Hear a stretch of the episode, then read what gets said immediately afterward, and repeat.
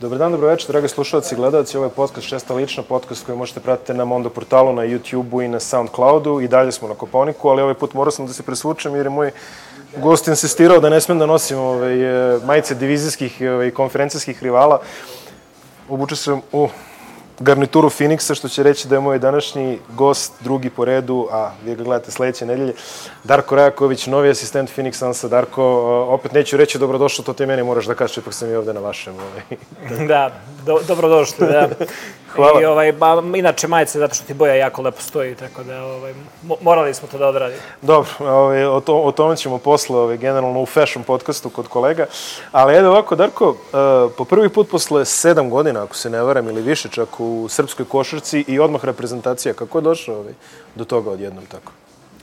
Pa, Sale i ja smo razgovarali um, nekoliko puta na temu uh, mog angažmana sa reprezentacijom i jednostavno što se tiče nekih poslovnih obaveza, privatnih e, obaveza, nekako kockice se nisu složile za mene ranije da bih mogao da se priključim reprezentaciji. Naravno da je to bila moja davnašna želja i jednostavno ovog leta kockice su se sve složile i e, naravno da sam obe ručke prihvatio poziv selektora i stvarno sam počestovan da budem tu sa, sa našom reprezentacijom i igrači, znaš, ono, igrači stalno kažu reprezentacija, san, e, čast, obaveze i tako dalje. A kako je tebi kao treneru, kako ti to doživljavaš? Pa isto, isto kao i sva ta deca, ovaj, svi smo mi negde odrasli gledajući neke reprezentativce, ovaj, Sale je gledao neke generacije pre, pre njega.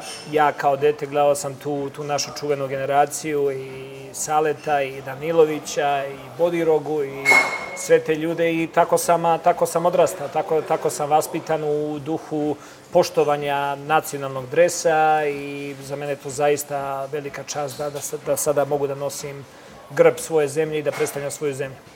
Šta misliš, ovaj, koliko je zapravo, ovo će da ovako probaj objektivno da odgovoriš, ali koliko je zapravo, ajde što bi rekli amerikanci, value, imati čoveka koji je veći deo svoje karijere trenerske proživao profesionalno u Americi, znači dolazi sa nekim tamošnjim konceptima košarke, da upgradeuje, što bi rekli, naš reprezentativni rad? Ovaj, evo sad pokušat ću da, da citiram kako kod mene u kraju u Čačku kažu, ovaj, kažu da ovaj, čovek i magarac su pametniji od samog čoveka. Tako da ovaj e, nadam se nadam se da ovaj moje neko znanje i drugačiji pogled i sve da će moći da pomogne i igračima i stručnom štabu. Ovaj pretpostavljam da je i selektor prepoznao određenu vrednost a, nekog drugačijeg sistema. Naravno da sam ja srpski trener i naravno da, da sam odrastao u Evropi, da volim evropsku košarku, ali imao sam priliku da vidim i tu neku drugu stranu košarke koja se igra u NBA-u i nadam se da, da će ta moja znanja biti od pomoći i selektoru i igračima. Um, opet ono što je interesantno, dobro, sad kad se ovo bude emitovalo, to je već u arhivi, ali moramo sad da spomenemo, tvoj debi u reprezentaciji biće u Čačku. Pa jeste, sticajem okolnosti, tako je, ovaj, kada sam razgovarao sa selektorom oko plana priprema, oko svega i on mi je poslao raspored koji je ono do detalja razrađen i bila je prva pripremna utakmica ili Čačak ili Niš i onda sam mu ja onako u polu šali rekao slušaj, ja dolazim i bit ću tu za reprezentaciju, ali pod uslovom da igram u Čačku. ovaj, I on je to naravno prihvatio ipak reprezentacija jako dugo nije gostovala u Čačku. 40 godina informisani smo.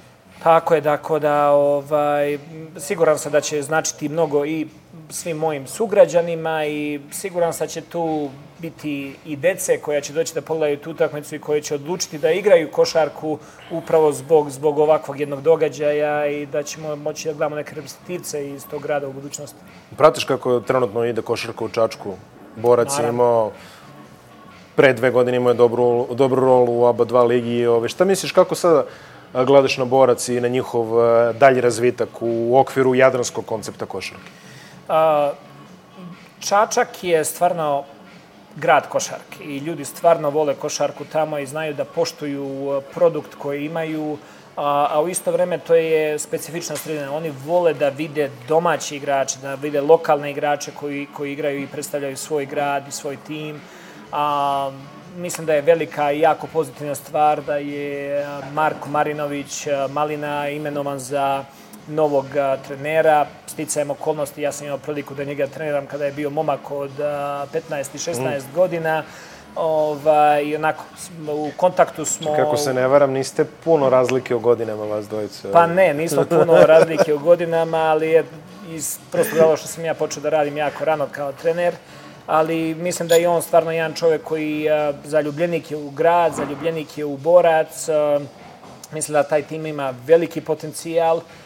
Jedna stvar koja mora da se reši u Čačku jeste hala, znači ta hala je stvarno zrela za renoviranje i za jedan onako novi, savremeniji izgled i siguran sam da će to dovesti i lokalne sponzore i sponzore iz cijele države ovaj, u klub i da će pomoći dalje razvitak kluba. Po meni taj tim zaista zaslužuje ne da bude u ABA 2, nego da, da igra u Jadranskoj ligi u ABA 1.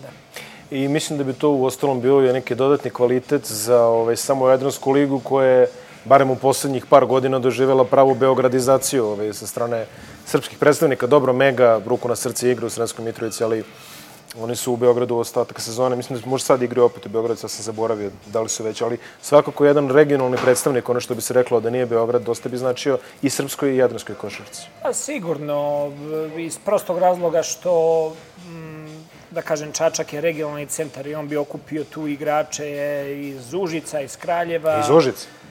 Pa, bil, imali smo, imali smo takvi imali ste imali smo Miroslava Radoševića, sad sam krenuo da kažem. Imali smo i Branka Milisavljevića, imali smo tu igrača koji su stvarno započeli karijere ovaj, u Čačku i nije, nije im loše išlo. ne, znam, nego imamo ovaj, jedan drugara ovaj, sa kojim sam na utakmicama redovno, ovaj, kad gledamo i ovaj, kad se njemu ne svidi neki potez određeno košarkašu mu viče idi, idi u Užice, kaže, otprilike. To je verovatno, on je čačanin, jeli? Pa, jest. Tako da to je... Postoji, saka, postoji rivalitet, postoji, zdravi rivalitet. Postoji zdravi, postoji zdravi rivalitet. Um, kako ti gledaš, evo, opet potrefio, znači, prvo pa reprezentacija, prvo pa Čačak i opet prvo došao si u verovatno najjaču srpsku selekciju u poslednjih, rekao bi sigurno 10-15 godina, svi su konačno na okupu. Kako ti kao neko ko je doskoro posmatrao sa strane sada posmatraš kvalitet srpske reprezentacije koja će nastupiti na predstojećem svetskom prvenstvu? Dobro, mislim da svaki tim, svaka selekcija je priča za sebe. Uh, na papiru imamo tu i NBA igrače i svi su se odazvali, svi će biti tu i selektorima je na slatkim mukama da izabere najboljih 12, ali to je svi krećemo od nule, znači od prošlosti se ne živi i ono što sada stvaramo na Kopalniku i kroz ovaj e, pripremni period i kroz pripremne utakmice, to će formulisati karakter ove ekipe i a, nadamo se svi da će, da će to biti jako jedan pozitivan i dobar produkt s kojim ćemo svi biti zadovoljni ali ne bih pravio nikakve paralele sa prethodnim timovima. Mislim da su prethodni timovi i u nedostatku nekih igrača imali fantastičnu atmosferu, fantastične borce. to je ono što svi ovi momci sada treba da nastave tim jednim pristupom i ako to uradimo, a siguran sam da hoćemo, mislim da, da ćemo biti ponosni na ove momke. A isto sam pričao sa selektorom Đorđićem, meni ovo delo je kao najveće svetsko prvenstvo do sada. Znači, proširenje organizacije data Kini. Kini ima dosta iskustva sa organizacijom FIBA, Azija turnira i tako dalje. Ovo je sad prelazak na neki viši nivo. A, ti si proveo prethodnu sezonu kao i sve prethodne sezonu u NBA, ali meni se čini da je u Americi pogotovo malo dignuta svest o tom svetskom prvenstvu možda nego što je bilo ranije. A, sa, sada, tu su dva aspekta. Mislim da kod igrača u samoj ligi, kod predstavnika NBA lige, kod predstavnika američke košarke, i te kako postoji svest i važnost ovaj, ovakvog jednog takmičenja. Znači, pogledajte samo stručni štab koji je, koji je američka reprezentacija od Grega Popovića, Steve Kera, a, znači, to, to znači to su verovatno dva možda najbolja trenera u celoj NBA ligi ovaj, i to za, za njih znači jako mnogo. Sa druge strane, javnost kao javnost, mediji, običan navijač, to je malo drugačije. Za njih ipak NBA, NBA, iz prostog razloga što NBA svakoga dana kada upale televizor mogu da vide, a redko kada će videti nacionalne selekcije druge i redko kada će videti Euroligu, redko kada će videti neka utakmica koja nije koleđ ili NBA, tako da kod njih svest je malo manja, ali kod samih učesnika oni su izuzetno, izuzetno počastovani da nose dres američke reprezentacije, da predstavljaju svoju zemlju i da, da uvek jurišaju na, na, na naj, najsjednije odličje. Takođe, ono što sam isto pitao sa elektora, pitaću i tebe, mislim da ti imaš možda malo ove, interesantni pogled na to. A, naredno svetsko prvenstvo će takođe se igrati u Aziji. A, ovo se sad igra u Aziji. A, imamo sve veći i veći upliv, to možda NBA se sve više okreće, pogotovo NBA i azijskom tržištu. Znači čak i sa tim stvarima oni recimo ovo majicu vidio si koju sam skinuo zbog tebe je bila ovaj proslava lunarne nove godine u Sakramentu, znači ono, na neki kineski znakovi su bili. A, da li ti osjećaš da se polako otvara i to tržište ovako na globalnom nivou, jer vidim kineska liga je sve jača, jel, i tako imaju druge strane, ali kako to tebi izgleda? A, Mislim da NBA a, je davno prepoznao a, važnost da, da košarku naprave internacionalnom, a, odnosno globalnom, a, globalnim sportom i kroz igrače koji su predstavljali i Evropu, i Aziju, a, i Afriku, i sve kontinente, a, oni stvarno se trude da rašire svoj uticaj svuda. Znači, postoje drugi sportovi koji ne rade tako dobar posao, i e, svedok sam da u zadnjih 5-6 godina u Americi da svake godine NBA dobija na većoj popularnosti i da a, više i više, sve više i više igrača i mladih se bave tim sportom i zaista košarka je postala u NBA-u 365 dana godišnje. Znači, Čim se završi draft, priča je o letnjoj ligi. Čim se završi letnja liga, tu je free agency, a, odmah se priča o pripremnom periodu, trejdovima. Znači, ne postoji prazan deo godine gde da. nema priče o košarci. I to je ono što je David Stern i sada Adam Silver sa njegovim timom su jako prepoznali i oni jako dobro rade tu biznis stranu ovaj košarke. Tako da, sam si rekao, Kina, Azija, Indija, to su tržišta koja, koja imaju milione i bilione, milijarde ljudi koji žive tamo. Znači, to je izuzetno, izuzetno tržište i naravno prirodna stvar da se, da se šire na tom tržištu prelazni rok u NBA-u koji je bio on otprilike tektonski poremećaj ove lige, ali pričat ćemo o njima malo kasnije da zadržimo na tvom ličnom aspektu prelaznog roka. Jedan srpski trener je napustio Phoenix, a on se drugi je došao posle sedam godina ove, Oklahoma seliš se uz toplije krajeve, suvlje, malo ovaj, na 40 stepeni pustinju Arizone. Kako došlo do tvog ovaj, odlaska u Phoenix? Uh, sedam godina sam proveo u Oklahoma City, stvarno fantastičnih sedam godina, dve kao glavni trener u raznoj ligi, pet kao pomoćni trener. A, imao sam priliku da sarađujem sa Scott Brooksom, imao sam priliku da radim sa Billyem Donovanom koji je Hall of Famer. A, stvarno predivnih sedam godina ali osjećao sam da za, da za moj sledeći korak u karijeri, za dalji neki napredak, da je bilo vreme da, da promenim tim, da vidim neku drugu stranu. Stvarno sam bio deo jedne fantastične organizacije koja imala dosta uspeha u prošlosti. Jednostavno, osjećao sam potrebu za nečim novim, sa nekim drugačijim aspektom i sticajem okolnosti moj dugogodišnji prijatelj Monty Williams je dobio posao i pozvao me u svoj stručni štab, tako da, da nije bilo mnogo dvoj, dvoumljenja i prihvatio sam tu ponudu da se preselim u toplije krajeve. E, kada pogledaš unatrag na te sezone u Oklahoma, vi ste, pa barem jednom ste bili iznimno blizu da dođete do, do velikog finala. A, govorim o onoj utakmici kada je Clay Thompson podivljao u poslednjim ovaj, minutima. Jel moramo o tome da pričamo? Ne moramo previše, ali ovaj, svakako bi voleo da, da mi kažeš po tvom nekom uglu, sada kada se sve to završilo, a, pokušali ste na razne načine, Durant i Westbrook, a, George Westbrook, George Anthony Westbrook, znači sve neke kombinacije su bile u opticiju. A, šta je to malo što je falilo da Oklahoma napravi taj najveći uspeh?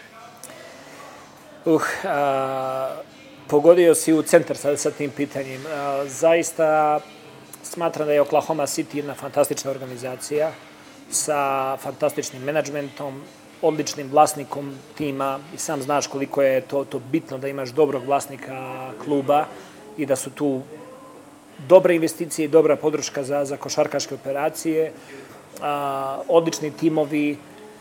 Jednostavno, a, te godine kada smo igrali finale Zapada protiv Golden State-a i gde smo imali prednost od, od 3-1, a, i bili smo jako, jako blizu da pobedimo Golden State u toj uh, šestoj utakmici. Mi smo dobili prvu četvrtinu, pobedili drugu četvrtinu, dobili treću četvrtinu, imali 13 pojena prednosti na 6 minuta do kraja i sam, sam pokušavam sebi da objasnim šta se to zaista desilo tada i kako je Clay Thompson mogao da, da sve te šuteve pogodi. Pritom čuvao ga je jedan od najboljih defanzivaca lige, Andre Robertson, i većina tih šuteva su bili jako, jako teški šutevi, jednostavno lopta je odlučila da, da prođe kroz obruč. Mi smo izgubili tu utakmicu i da u sedmoj utakmici na njihovom terenu mislim da su imali prednosti i da su kontrolisali utakmicu od početka do kraja. A, po završetku te sezone a, tim je pravljen tako da je trebalo da doživi svoj vrhunac po završetku te sezone. Očekivalo se da će, da će Kevin Durant potpisati ugovor. Mi smo napravili ranije trade koji je trebalo da dovede Viktora Ladipa da bude naš a, a, a, sa klupe igrač na poziciji 2. A, Enis Kanter je bio u ekipi. Već su bili pregovori sa nekim a, slobodnim agentima, neću da spomenjem imena, ali recimo jedan all-star igrač je trebao da se priključi toj ekipi koja je već bila jako, jako dobra i uh, da se to desilo, siguran sam da bi sada Oklahoma City Thunder imali, imali svoj šampionski prsten. Međutim, Kevin Durant je imao svoju slobodu, slobodu izbora, odlučio je da svoju karijeru nastavi u Golden State-u i ostalo je, ostalo je istorija. Ostalo je istorija, Ostalo je istorija. Um, ti prelaziš sada iz tako jedne, što bi rekao, ono, stabilne organizacije, znači iz Oklahoma koja je imala neki cilj, neki... Odlaziš u franšizu koja je de facto na samom početku. Znači, oni nekako se traže kroz te rebuildove još od one 7, 7 seconds or less napada Majka D'Antonija, nekako ne mogu da izgrade svoj karakter. Ovo je, čini mi se, kao još jedan novi početak. Prošla sezona je bila takva kako je bila i malo problematična. Sad na novom ste, novi trener, novi stav. A, da li je ovo veliki izazov za tebe u suštini? Da, i upravo iz svih ovih razloga prihvatio sam ovaj izazov. Želeo sam da budem deo nečega, nekog rebuilda koji će, nadamo se, stvoriti respektabilan tim u NBA-u, tim koji je imao 19 pobjeda ove sezone, a, bez playmakera, u jako teškim uslovima, sa povredama Devina Bukera, koji je jedan od najboljih ili najbolji igrač tima. Stvarno bila je jako teška situacija za tim. A, promenili su GM-a sedam dana pred početak lige. Ovaj, jednostavno, moja vera u Montija Williamsa, u GM-a James Jonesa, koji sada pravi tim po svom ukusu zajedno sa glavnim trenerom, daje mi dosta optimizma i nade da će tu biti ih velikih promena. Velikih promena u samoj organizaciji, u samom pristupu selekciji igrača i mm, više neće biti sigurno gubljenja utakmice da bi se imao bolji pik na draftu i tako dalje, s tim je gotovo. Tako da postoji jedan jedna posvećenost cele organizacije da se napravi tim koji će imati dobre rezultate u budućnosti, koji će biti playoff tim i koji će se boriti u playoffu za što viši plasman. Tako da zadovoljan sam potpisima koje smo napravili ovog leta, zadovoljan sam sa igračima koje smo uzeli na, na draftu i mislim da će to biti jedan fantastičan tim za rad, a uz malo sreće nadamo se da ćemo i pobediti koju utakmicu više. Igrač koji je obeležio tvoju eru Oklahoma, definitivno, pored Kevina Duranta kog spominje, Russell Westbrook. On takođe više nije član ovaj, Oklahoma City Thunder. Imao si emotivan oproštaj od njega na društvenim mrežama, video sam. A, ja znam da ste vas dvojica dosta radili zajedno, da se znate dobro. Kako bi ti predstavio našim ljudima koji često eto, nemaju taj upliv u njegovu privatnu stranu, ovaj, koji samo vide igrača, što bi se reklo, i kritikuju ga ili ga hvale po onome što pruža na parketu, ali daj nam neki ono insight, što bi rekli ovi amerikanci, u Russella Westbrooka. ja nisam toko moje karijere, koja je prilično kratka, svega 23 godine kao trener, nikada nisam video igrača koliko, koji se toliko razlikuje na terenu od osobe kakava je u privatnom životu i kakva je u okruženju svojih prijatelja, ljudi a, koji su bliski. A, jednostavno kada utakmica počne, on sebe pripremi tako da, da on, kao da, da, da sutra ne postoji. Znači, on je toliko agresivan sa takvim intenzitetom igra, a, jedan beskrupulozan a, takmičar koji će uraditi sve da, da pobe, pomogne svom timu da pobedi utakmicu. Dok van terena, kada ga vidite u okruženju svojih prijatelja ili svoje porodice, je toliko jedan prijatan, a, smiren, a, a, dobroćudan, znači fantastičan, fantastičan momak. Znači to je osoba koja je pomogla meni i mojoj porodici izuzetno na, da se prilagodimo a, životu u Americi. Od samog početka me je jako dobro prihvatio. On jako poštuje internacionalnu košarku. Njegov cimer na koleđu je bio Nikola Dragović, ko, sa kojim sam isto pričao na tu temu, kome je on iz, izuzetno mnogo pomogao u samom prilagođavanju na život na, u Los Angelesu i na UCLA-u. Tako da to je jedna osoba za, za, ko, za koju imam izuzetno, izuzetno mnogo poštovanja i uh, jedan fantastičan, fantastičan momak. Ovo što si rekao, to je zapravo ona strana Russella Westbrooka koja nije mnogo poznata ljudima. Ljudi gledaju Russella Westbrooka kao NBA superzvezdu. Međutim, okay. da, ali uh, ono što je interesantno, on je stvarno veliki entuzijasta za internacionalnu košarku. Da. To, to baš nije nešto onako često da vidiš kod NBA igrača. Nije, ali on, on shvata, prvo, kroz igranje za američku reprezentaciju, on shvata da košarka se igra i van, van Amerike. Recimo, ja sam njemu često puta i slao i video klipove nekih naših reprezentativaca. Poslao sam mu klip Dejana Bodiroga je bio, da, da, da. Pa je on pokušao taj isti pokret da napravi na utakmici, pa sam mu slao Teodosića, a, kako, kako dodaje loptu, pa i on to pokušao da radi na utakmici, pokušao, poslao, slao samo neke klipove Saleta Đorđevića iz njegovih reprezentativnih dana, pa i on to pokušao da radi. Znači, stvarno jedan čovek koji obožava košarku, koji je jako posvećen svom poslu i koji poštuje, poštuje drugi ljude u zanatu. A, desilo se jedno malo ono, OKC reunion sad u Houstonu trenutno. Bilo je priča da će otići u Miami, ona na kraju završio u Houstonu sa bivšim saigračem Jamesom Hardenom. A, na papiru ovako deluje komplikovani fit, što bi rekli amerikanci, ali šta miš, kako će to izgledati na parketu?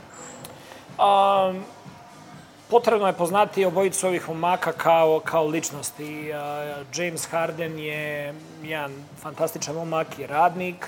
Russell takođe, njih dvojica su ostali uvek u dobrim odnosima i po odlasku Jamesa Hardena iz Oklahoma City-a. A, fantastični su takmičari, borci, jedan i drugi. A, I mislim da su obojica na, na delu karijere gde više ne postoji ego, naročito jer zbog njihovog prijateljskog odnosa.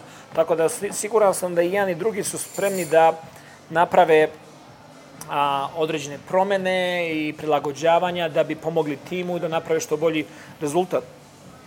Jedan i drugi žele da osvoje, da probaju da osvoje titulu i siguran sam da će uraditi sve da to, da to i pokušaju da urade. Ovaj prolazni rok bio je najmasivniji u svakom aspektu u poslednjih, ne znam, rekao bi, pa sigurno od onog Durantovog, ajde, ali i ni taj nije bio toliko talasast. Znači imamo bukvalno velike promene u, u, ovaj, u ligi imamo ono balance shift, što bi rekli, ovaj, sa jedne na drugu stranu, Kawhi Leonard koji regrutuje Paula George dođe u Los Angeles, Prav, napravo su nekoliko super ekipa, Anthony Davisu uh, u drugoj polovini Los Angelesa, uh, takođe izuzetan Houston, uh, takođe Golden State koji niko ne treba da zanemara i Denver je dalje tu. Uh, kako ti izgleda sad ova nova NBA, nova stara, ajde kažemo tako? Mislim da će sezona biti izuzetno, izuzetno zanimljiva za običnog navijača, to, to svako veče biće uta, velikih utakmica i dobrih utakmica i zapad, ja mislim da svake godine to kažemo, nikada jači, ali ove godine stvarno nikada jači. Znači, to je, spomenuo se ove timove, tu je Portland, da. Utah je bolja. San Antonio. San, A, mislim, San Antonio, ne možeš otpišeš San Antonio Tako nikad. je, Minnesota, koja je uvek tu u borbi za play-off, a, mm, na papiru svi Utah, timovi su... Da, Utah je stvarno napravila... Na, svi timovi su na papiru bolji timovi. Znači, ja verujem da, da Phoenix Suns i da moj tim je bolji na papiru. Jedini tim koji će biti slabiji na papiru ove godine je ovaj, Oklahoma City, hmm. ali i oni su dobili nekog Galinarija, da. ali i oni i dalje imaju Steven Adamsa i dalje imaju uh, igrače koji, su, koji imaju veliko iskustvo. Chris Paul će biti u tom timu, tako da, da ni, nikome neće biti lako da ode u Oklahoma City i da pobedi neku utakmicu, ili u Minnesota, ili u Phoenix. Tako da svako veče, svako svakoga će moći da pobedi i bit će stvarno jedna izuzetna, izuzetna sezona, a, a u pravu si, mislim da je dosta stvari se promenilo sa tom odlukom Kavaja Lenarda da promeni tim i da sa sobom dovede Paula Đorđa u, u Clippers. Ja, ja bukvalno ne pamtim da je prelazni rok u NBA-u rešen u tri dana. Da. Znači, tu je još Kawhi Leonard bio poslednji. Da. Njega su čekali na kraju, ali iz, mo, iz vizure navijača ili čoveka koji prati košarku ili tako, ovo je stvarno bilo neverovatno. Znači, svi smo sedeli na Twitteru, svi smo čekali Voža da objavi ono bam, bam, bam, Voži, ovaj drugi, Šemša ranije. Znači, samo, samo izbacuju, samo izbacuju ono, sećam se tvita kolege, ono, recite Voju da sam sam na smeni, otprilike, ono, kao ne može, ne može više da se iznese, ali baš da, nerealno je bilo. Ve, već smo razgovarali o tome kako NBA prepoznaje tu biznis, poslovnu stranu. Da, da. I ovo je jedan primer toga, znači da, da oni dozvoljavaju malo i igračima da između sebe prave određene dogovore i timovi su fleksibilni da naprave trade-ove, da pokušaju da naprede svoje timove. Tako da, ovaj, tih nekoliko dana su bili stvarno neverovatni koliko je bilo informacije i promena timova i u nekoliko dana NBA slika se to, to kompletno promenila. To je, to je zaista neverovatno i verujem da nas ovaj, očekuje jedna izuzetna sezona. Samo za kraj, e, ovo je opet u arhivi kad budemo emitovali, ali Marko Gudurić je juče potpisao za Memphis Grizzlies, eto još jedan Srbin u NBA ligi. Šta ti misliš? Navijači Memfisa su sa oduševljenjem prihvatili jer njima strašno fali šutiranje spoljnih pozicija. Ja mislim da će Gudurić biti dobar fit tamo, sasvim. Uh, jako sam uh, upozna, jako sam dobro upoznat sa dešavanjem u tom timu. Moj jako dobar prijatelj je postao uh, glavni trener tima, Taylor Jenkins. Uh, uh, promenili su management kluba, doveli su nekoliko a, renomiranih imena a, i bivših GM-ova da budu u menadžmentu kluba, a, Ja Morant koji da, je da, da, drugi da. pik na draftu, uh, Jaren Jackson koji je prošle godine imao fantastičnu sezonu. Valančunas koji je... Valančunas koga su da, potpisali. Da. Znači oni, oni su se opredelili za rebuild, ali stvarno imaju jako, jako talentovane momke i dobre momke. Mislim da Marko dolazi u pravom trenutku u tu ekipu, da će dobiti šansu i priliku. Sad, na njemu je da, da, da to iskoristi. Ako ovaj, bude nastavio sa dobrim radom, u šta ne sumnjam, verujem da će dobiti priliku i šansu da izađe na park i da pokaže šta zna i posle sve, sve, sve je na njemu. No, koliko daleko će dogurati, a verujem da će imati dobru NBA budućnost. Darko, hvala ti puno na izdvojenom vremenu, puno hvala sreće u Kini i u daljem radu. Hvala puno. Hvala.